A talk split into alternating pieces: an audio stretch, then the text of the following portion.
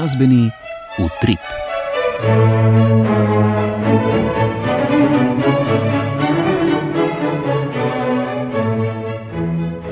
Spoštovani, spet smo z vami, da vam v utripu predstavimo dogajanje preteklega tedna. Začeli bomo z novico iz Maribora, kjer smo prisluhnili koncertu komornega cikla, na katerem se je predstavila pevka Mojca Erdman. Potem se bomo preselili v prestolnico, kjer smo spremljali koncert filharmoničnega abonmaja, na katerem je zbor in orkester Slovenske filharmonije vodila Grete Pedersen. Ob koncu pa se bomo na kratko dotaknili še koncerta abonmajskega cikla Mozartine.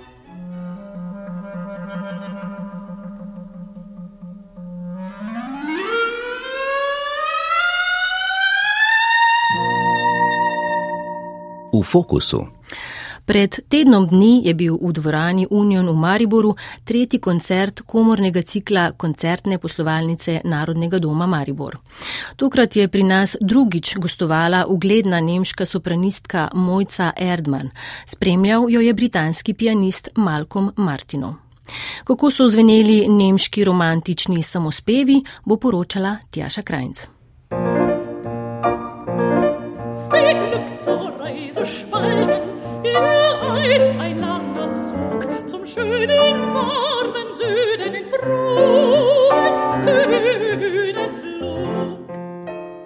Koncertni spored vokalne glasbe s klavirjem z naslovom Ljubljenec moje duše sta predstavila ugledna umetnika, nemška sopranistka Mojca Erdman, hčerka slovenske matere iz Ljubljane in nemškega očeta in britanski pianist Malcolm Martino iz Škotske. Mojca Erdman je pri nas prvič uspešno nastopila januarja lani v dvorani Union v Mariboru z Mozartovo koncertno arijo, ki jo je zapela s švedskim komornim orkestrom.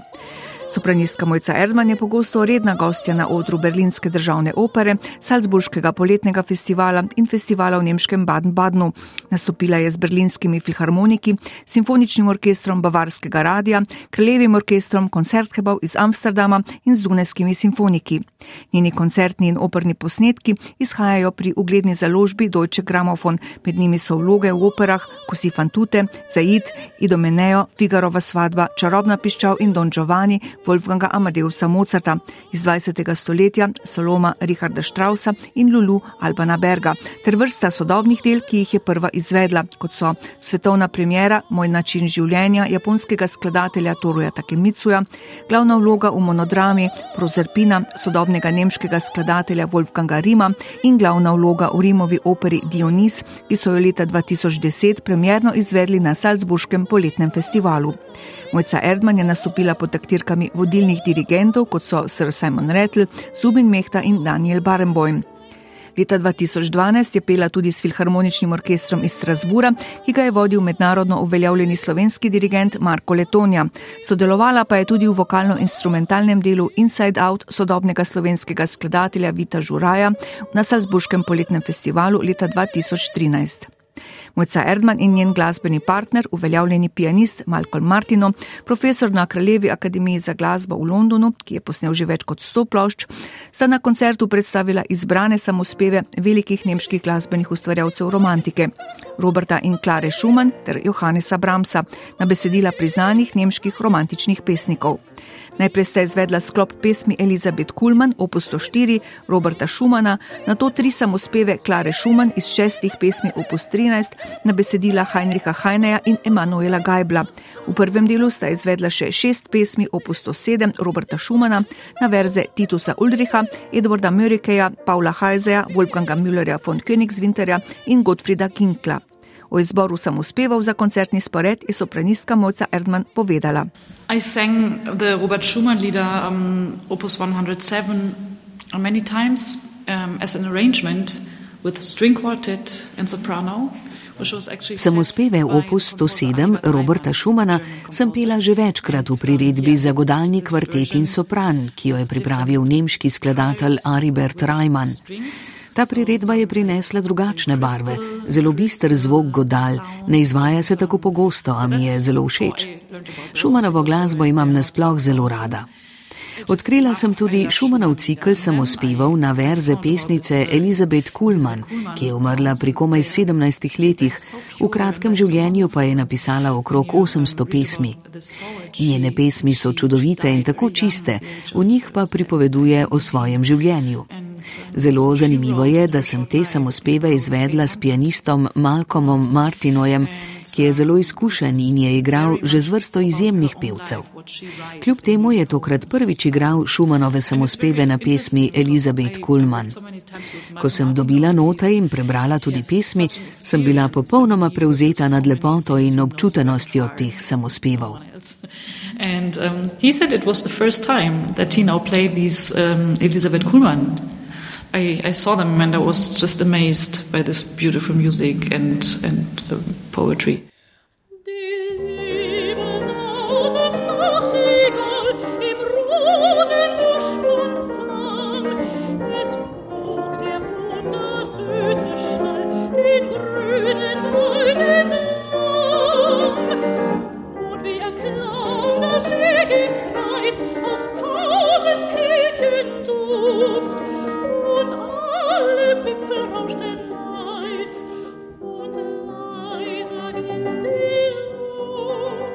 Umetnika sta se v drugem delu koncerta posvetila izvajanju 12 samospevov iz različnih zbirk mlajšega nemškega ustvarjalca v obdobju zrele in pozne romantike Johannesa Bramsa.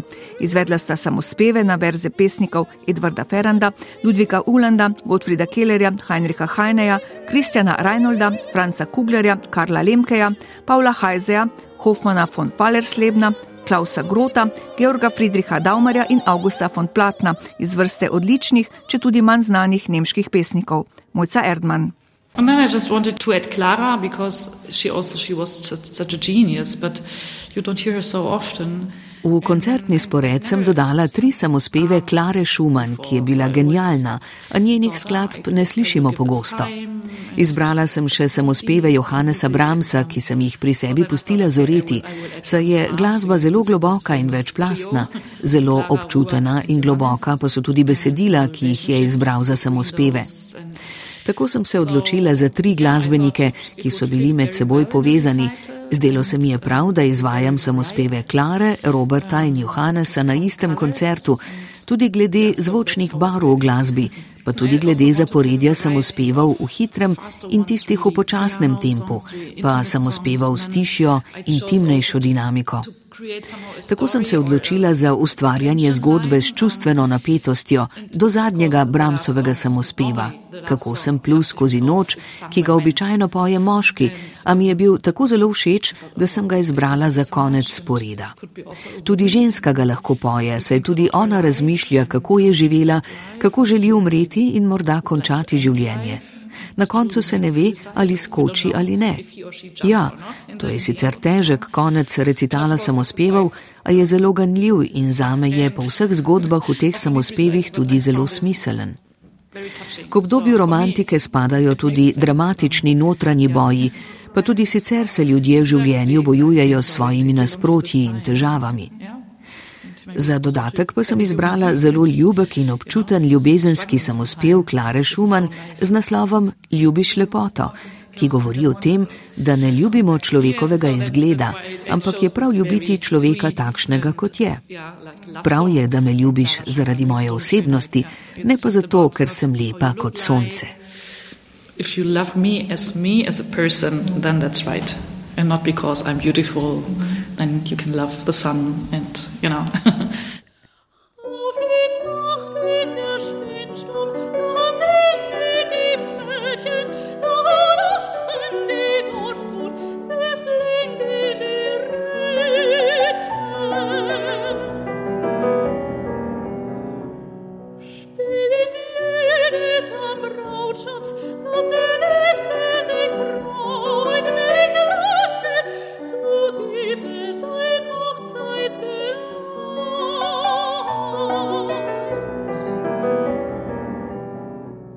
pesmi o ljubezni, sanjarjenju, krepenenju in upanju, radosti v naravi, samoti in minevanju so zazvenele v širokem loku zanosne interpretacije sopranistke Mojce Erdman, ki je navdušila poslušalce s čistim, toplo oblikovanim glasom in z navdušujočim odrskim nastopom.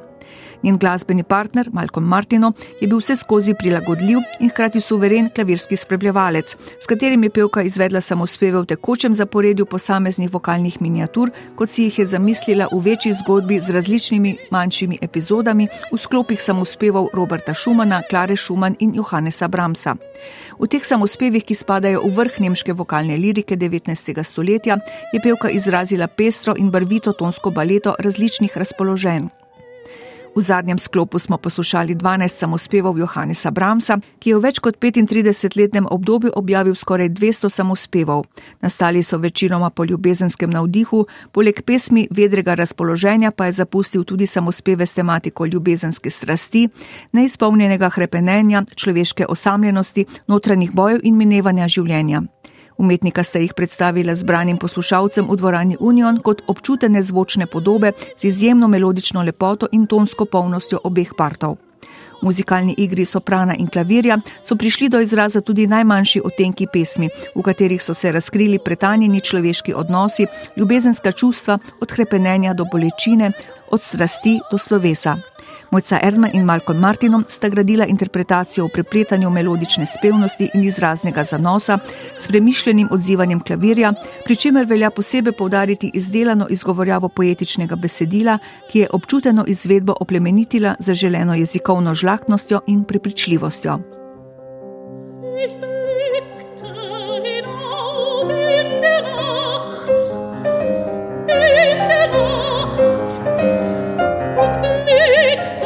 Minute, Minute aufs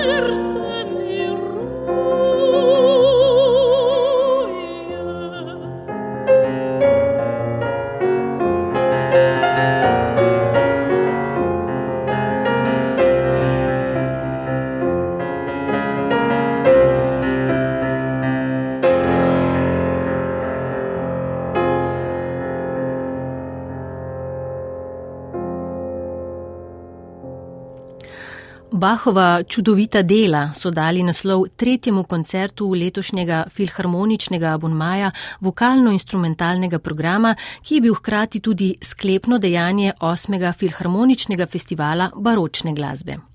V petek zvečer so v dvorani Marjana Kozine v Slovenski filharmoniji nastopili člani zbora in orkester Slovenske filharmonije, umetniško vodstvo je podpisala ugledna norveška dirigentka Grete Pedersen. Spored je bil tokrat v celoti v znamenju glasbe Johana Sebastiana Baha. Prisluhnimo, kaj o koncertu meni Mihajl Kozjek, za branje prispevka je glas kolegu tokrat posodil Igor Velše. Za mnoge glasbene sestave velja, da je njihova izvajalsko-interpretativna raven pogosto odvisna od umetniškega vodje pri posameznih projektih pa od gostujočih dirigentov oziroma njihovih zmožnosti motivirati, predramiti glasbenike in iz njih potegniti najboljše. Takšen sestav je zbor Slovenske filharmonije. Odličen primer dirigenta, dirigentke, ki je sposobna izvajalce povezati v vrhunsko izvajalsko telo, ki glasbo podaja na svež način, pa je Grete Pedersen.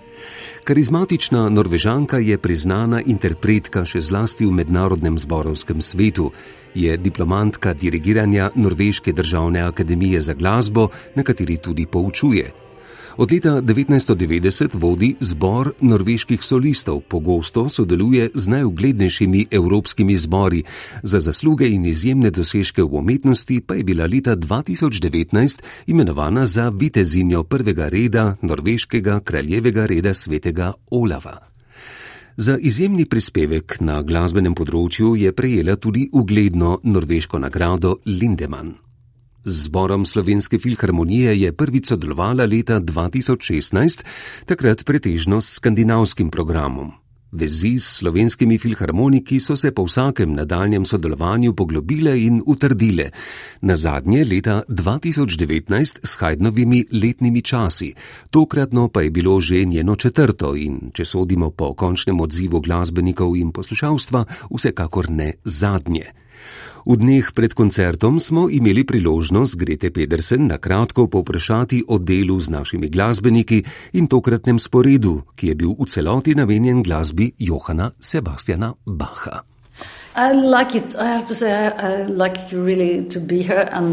Bacha.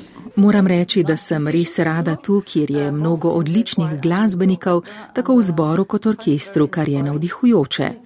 Isto velja za pripravljenost na delo, izdelovanje podrobnosti. To mi je res všeč. Bahova glasba je pravi temelj baročnega obdobja. Zelo redko se mi ponudi možnost, da na enem koncertu vodim izvedbe tako njegovih motetov, ki so prav tako gotovo češnja na vrhu torte. Bach v njih združuje ogromno zanimivih glasbenih pristopov. Kar jih dela zelo posebne, je še zlasti to, da glasbila posnemajo glasove. Bach jih je torej obravnaval na enak način. Inštrumentalisti igrajo na tanko to, kar pojejo pevci, torej se morajo z njimi tesno povezati v intimnem duhu, kar je zelo zanimivo. In način, na katerega je Bach ustvaril te motete, je resnično fantastičen. Upam, da bodo ljudje razumeli in cenili naše trdo delo. Cilj je namreč, da bi moteti zveneli logično in lahkotno, pa čeprav so tako za pevce kot instrumentaliste izvajalsko izjemno zahtevni. I mean, the, the, the goal is that it should sound kind of very logic and easy, but it's really difficult to sing, I have to say. And also to play, yeah.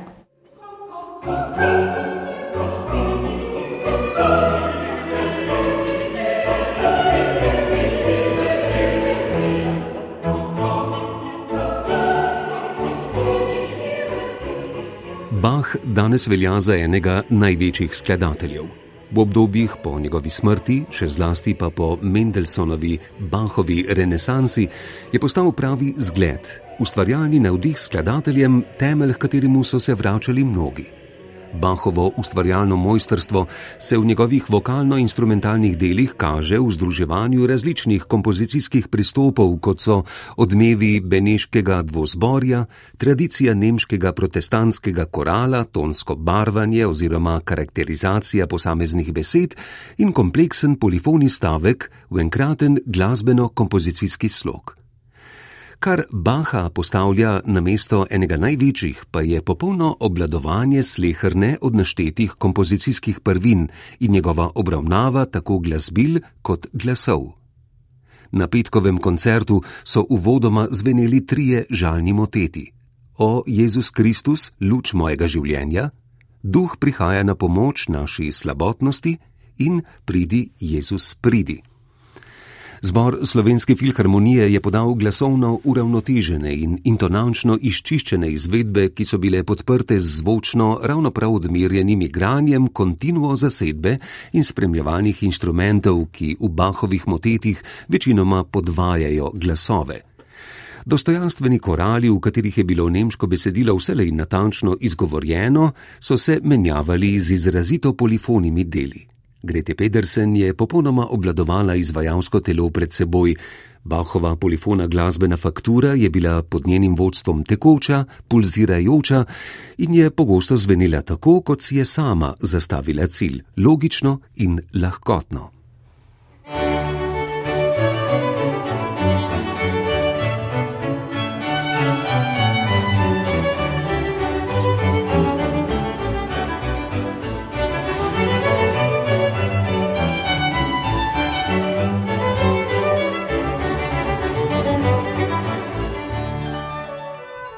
Sledila je edina instrumentalna skladba na sporedu, Brandenburški koncert številka 5 v D-duru, ki je pravzaprav nekakšen trojni koncert za solo, čembalo, violino in flauto. Zbor in Grete Pedersen sta oder Kozinove dvorane v celoti prepustila članom orkestra Slovenske filharmonije. V solistični končertino skupini so nastopili čembalist Tomaš Sevšek, ki se je iz zanesljivega in prilagodljivega člana kontinuo zasedbe prelevil v vrhunskega solista, violinistka in koncertna mojstrica orkestra Slovenske filharmonije Ana Dovžan ter flautist Matej Grahek. Njihov nastop je bil suveren. V njem so drzno odstirali odnose med posameznimi solističnimi glasbili, ki se v tem Bahovem delu navidezno borijo za prevlado in preostalim korpusom, ki je agilno spremljal soliste. Apolinično navdahnjen je bil osrednji afetuozo.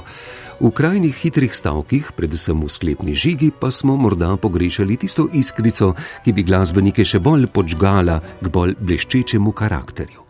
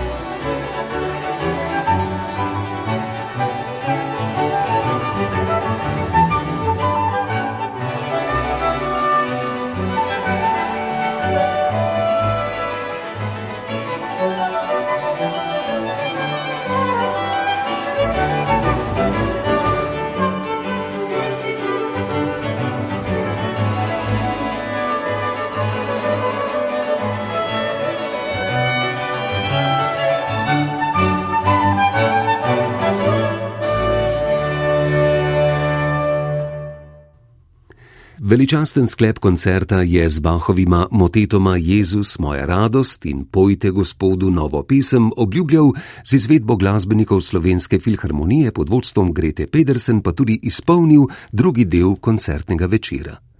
Podajanje tako zbora kot instrumentalistov je bilo v tudi delih živahno, plastično in intonančno stabilno, tudi na dolgih, bogato okrašenih melizmih.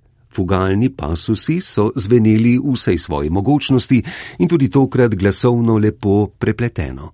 Nekoliko šipkejši so bili nastopi solistov, med katerimi sta bila najbolj prezentna sopranistka Polona Plaznik in basist Miha Bole.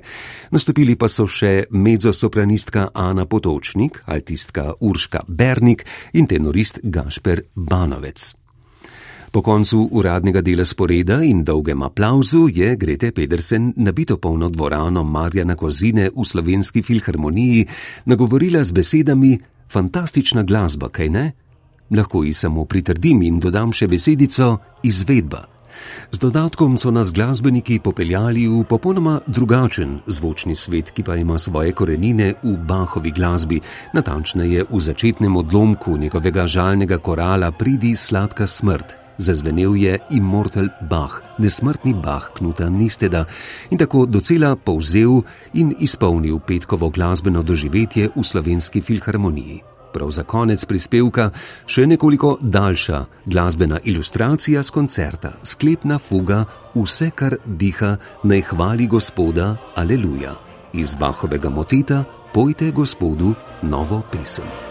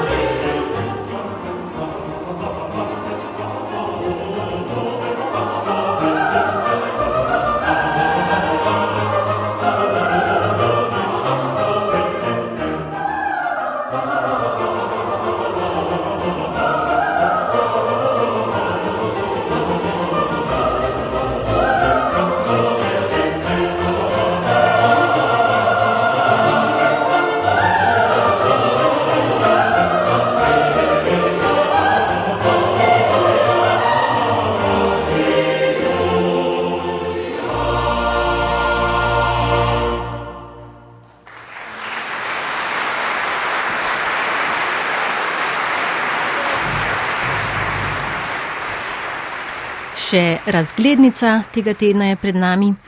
Abonmajski cikl Mozartin nam je že dobro znan in na letošnjem drugem koncertu, ki je bil preteklo nedeljo, kot ponavadi v Kozinjovi dvorani Slovenske filharmonije, sta zazveneli v šesom še kako znani in ljubi deli. Več Andrej Bedjanič.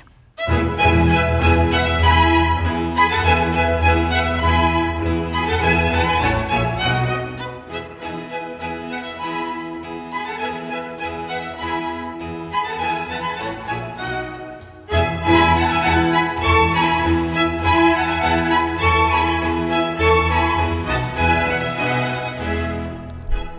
Na tokratnem koncertu so se s skladbama Antonija Vivaldija in Astorja Piacole predstavili člani komornega godalnega orkestra RTV Slovenija ter solist in vodja ansambla Andrej Provotorov.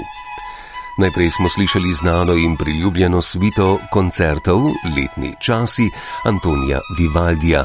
Andrej Provotorov je svoj part izvedel na visoki umetniški ravni, tehnično odlično in zelo muzikalno. Tudi komorni godalni orkester RTV Slovenija se je pokazal v svoji najboljši luči, tempi so bili pravilno izbrani, dinamika in fraziranje sta bila na izjemni ravni, vse podrobnosti so bile natančno izdelane. Vse skupaj sta krasila še poglobljeno sodelovanje solistov in članov orkestra ter komunikacija med člani orkestra, zato ne preseneča, da so poslušalci v razprodani Kozinovi dvorani Slovenske filharmonije v Ljubljani nastopili nastopajoče nagradili z dolgim in glasnim aplauzom ter vzkliki odobravanja.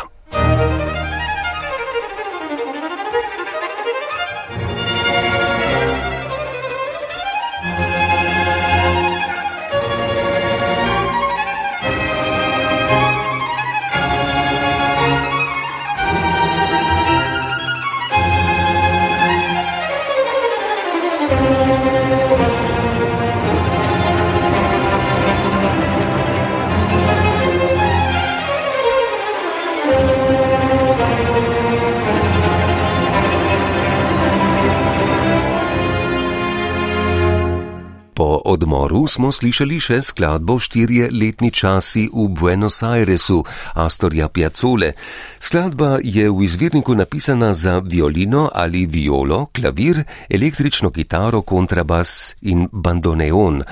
Ruski skladatelj Leonid Desjatnikov pa jo je priredil za violino in godani orkester ter dodal nekaj citatov iz Vivaldijevih letnih časov ter tako skladbi smiselno povezal. Tudi to delo so glasbeniki lepo izvedli, z odlično izvedenimi dinamičnimi povdarki, strnjeno, a pregledno v enem samem širokem bloku in navdušili poslušalce v Kozinovi dvorani Slovenske filharmonije v Ljubljani.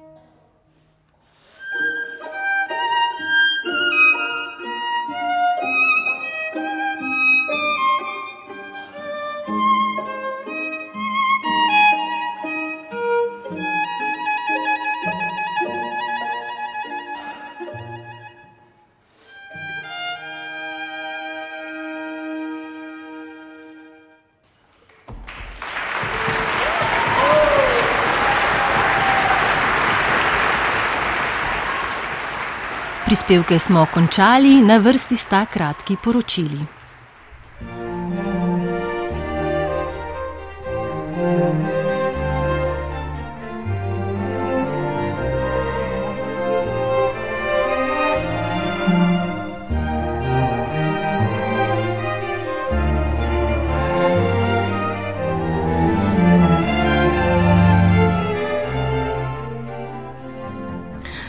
Zelo pomembna in odmevna za mlade virtuoze pri nas je Škarjančeva nagrada.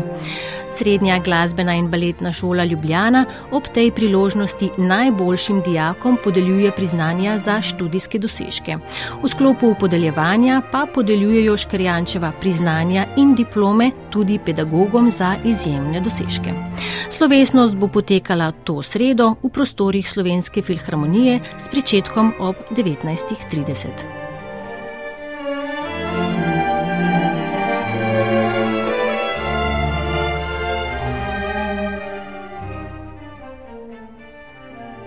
Ostajamo pri mladih izvajalcih.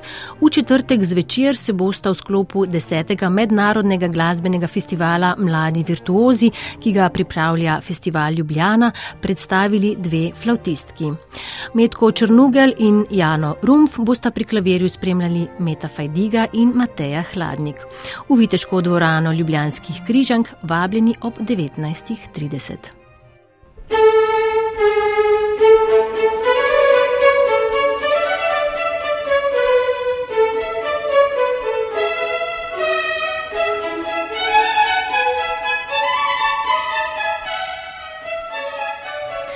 Oddaja je s tem sklenjena, obvestil in prispevkov je bilo tokrat bolj malo, za prijetno oblikovanje oddaje pa so tokrat poskrbeli Tjaša Krajnc, Mihajl Kozek in Andrej Bedjanič. Prevod je brala Eva Longika Marušič, dva prispevka Igor Velše. Za zvočno realizacijo sta poskrbela David Lab in Miha Klemenčič, oddajo pa sem vodila in uredila Alma Kožel. Pa lep pozdrav do prihodnič.